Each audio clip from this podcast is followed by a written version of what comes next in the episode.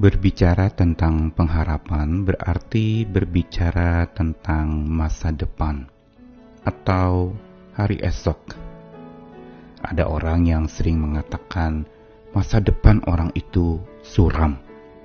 Biasanya ditujukan kepada orang yang hidupnya hari ini berantakan, penuh dengan berbagai macam keburukan yang lalu dikatakan kepada orang itu masa depannya akan menjadi suram. Tentu saja ungkapan asal bunyi ini tanpa pikir panjang bisa melukai dan tampaknya juga memupuskan pengharapan dari orang yang hidupnya hari ini sedang buruk atau penuh dengan berbagai macam kesulitan-kesulitan yang seolah baginya dan bagi pandangan orang lain masa depannya atau hari esoknya itu suram. Tetapi berbeda dengan orang yang sungguh percaya kepada Tuhan dan menaruh pengharapan sepenuhnya hanya kepada Tuhan. Karena orang yang percaya dan dengan percayanya dia berharap kepada Tuhan, selalu ada hari esok baginya. Bukankah kita pernah mendengarkan bahwa kita tidak tahu akan hari esok? Pujian yang tentu saja itu menenangkan hati kita. Tetapi kita tahu ada yang pegang hidup kita, yaitu Dia yang pegang hari esok kita. Lalu, bagaimana dengan tugas kita bila Tuhan yang memegang hari esok kita? Tugas kita adalah merajut pengharapan itu dengan menjalin hubungan bersama dengan Sang Pemilik hari esok atau Dia yang mengetahui dan memegang hari esok kita. Karena itu, sebagaimana benang-benang yang dirajut menjadi sebuah sulaman yang indah, maka di situlah sesungguhnya kita perlu dijalin seperti benang-benang itu, agar merajut harapan bersama dengan sumber pengharapan kita akan menghasilkan hari esok yang penuh dengan harapan tanpa khawatir. Saya Nikolas Kurniawan kembali menyapa kita hari ini dengan sabda Tuhan dari Lukas pasal 12 ayat 26 sampai 32 dibacakan dari Alkitab versi Firman Allah yang hidup. Dan jikalau kekhawatiran tidak dapat menolong dalam hal yang sekecil itu, apa gunanya khawatir tentang hal-hal yang lebih besar? Lihatlah bunga bakung mereka tidak memintal atau merajut namun demikian Salomo dengan segala kemuliaannya pun tidak berpakaian seindah mereka. Jikalau Allah mendandani bunga yang hidup hanya sehari saja, tidakkah terpikirkan oleh kalian bahwa ia akan mencukupi kebutuhan kalian akan pakaian, hai orang yang kurang percaya? Dan jangan khawatir mengenai makanan, yaitu apa yang akan kalian makan atau minum, karena Allah akan mencukupi kebutuhan kalian. Semua orang mencari nafkah, tetapi Bapa Surgawi mengetahui segala kebutuhan kalian. Ia akan selalu mencukupi segala kebutuhan kalian dari hari ke hari, apabila kalian mau mengutamakan kerajaan Allah. Oleh karena itu, janganlah takut, karena Bapa kalian berkenan memberikan kerajaannya kepada kalian. Ungkapan Lukas 12 ayat 26 sampai 32 ini merupakan cuplikan yang senada dengan khotbah di atas bukit saat Yesus mengajarkan perihal kekhawatiran. Pada saat itu, zaman di mana Tuhan Yesus hidup, ada begitu banyak orang yang sedang khawatir, khususnya berkaitan dengan nafkah atau penghidupan mereka hari lepas hari. Ada banyak orang-orang yang kelaparan dan kebingungan mencari sesuap nasi untuk kehidupan mereka pada masa itu. Sehingga kekhawatiran tentu saja mencuat, bahkan menjerat hidup mereka, sampai-sampai mereka akhirnya bisa melakukan berbagai macam cara agar supaya mereka mendapatkan nafkah. Dan tentu saja ini bukan yang Tuhan kehendaki. Karena itu dengan panjang lebar di dalam Lukas pasal 12, Yesus berbicara dan menegur mereka tentang kekhawatiran mereka.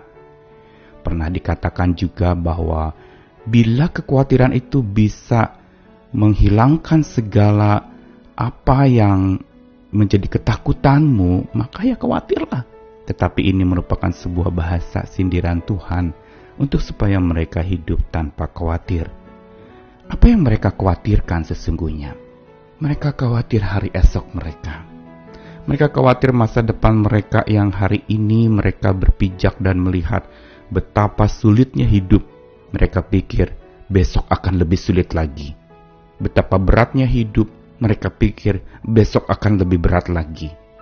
Dan cara pikir ini adalah cara pikir yang bukan berasal dari iman dan pengharapan kepada Tuhan.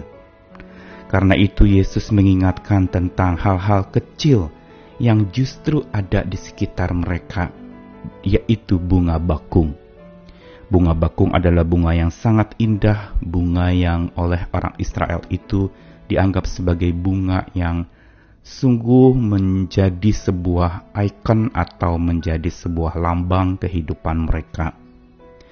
Bunga berkelopak enam ini dikatakan tidak memintal atau merajut, namun segala pakaiannya atau keindahan bunga itu tak tertandingi. Tuhan ingin mengatakan dari bunga bakung yang berkelopak enam itu bahwa Tuhan yang mendandani bunga yang hidup itu. Yang walaupun hidupnya begitu singkat setelah dia mekar, tidak lama kemudian dia bisa layu. Dan hanya singkat dan sebentar saja dia tampak indah.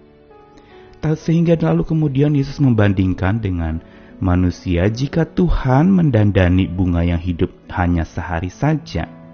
Tidakkah terpikirkan oleh kalian bahwa Tuhan juga akan mencukupi kebutuhan kalian akan pakaian? Dan Yesus menegur mereka dengan sebutan, "Hai orang yang kurang percaya."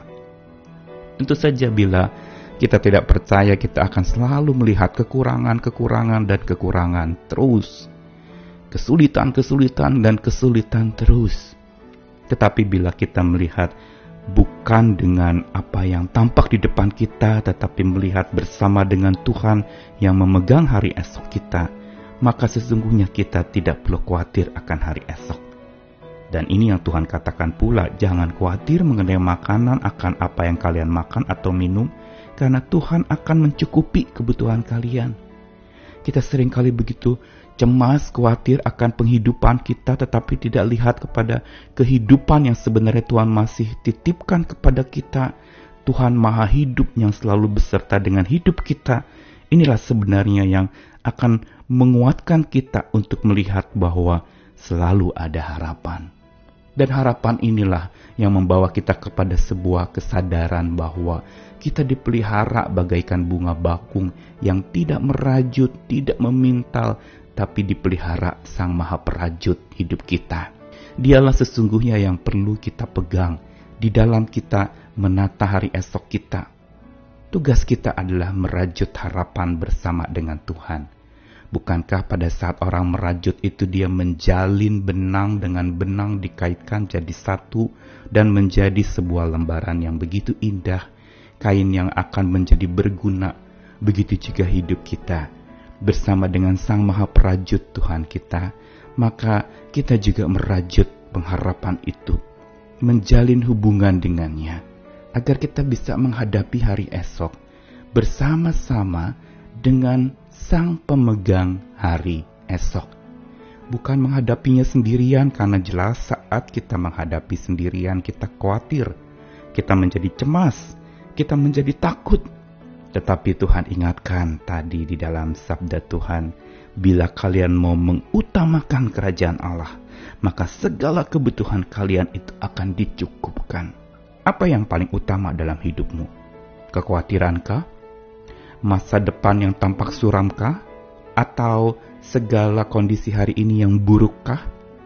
Mari arahkan pandangan kita dan utamakanlah kerajaan Allah. Utamakanlah Dia utamakanlah sang pemegang hari esok, supaya kita bisa menghadapi hari esok bersama dengan dia. Selamat merajut harapan bersama dengan sumber pengharapan kita, Tuhan kita, kekasih hidup kita. Amin.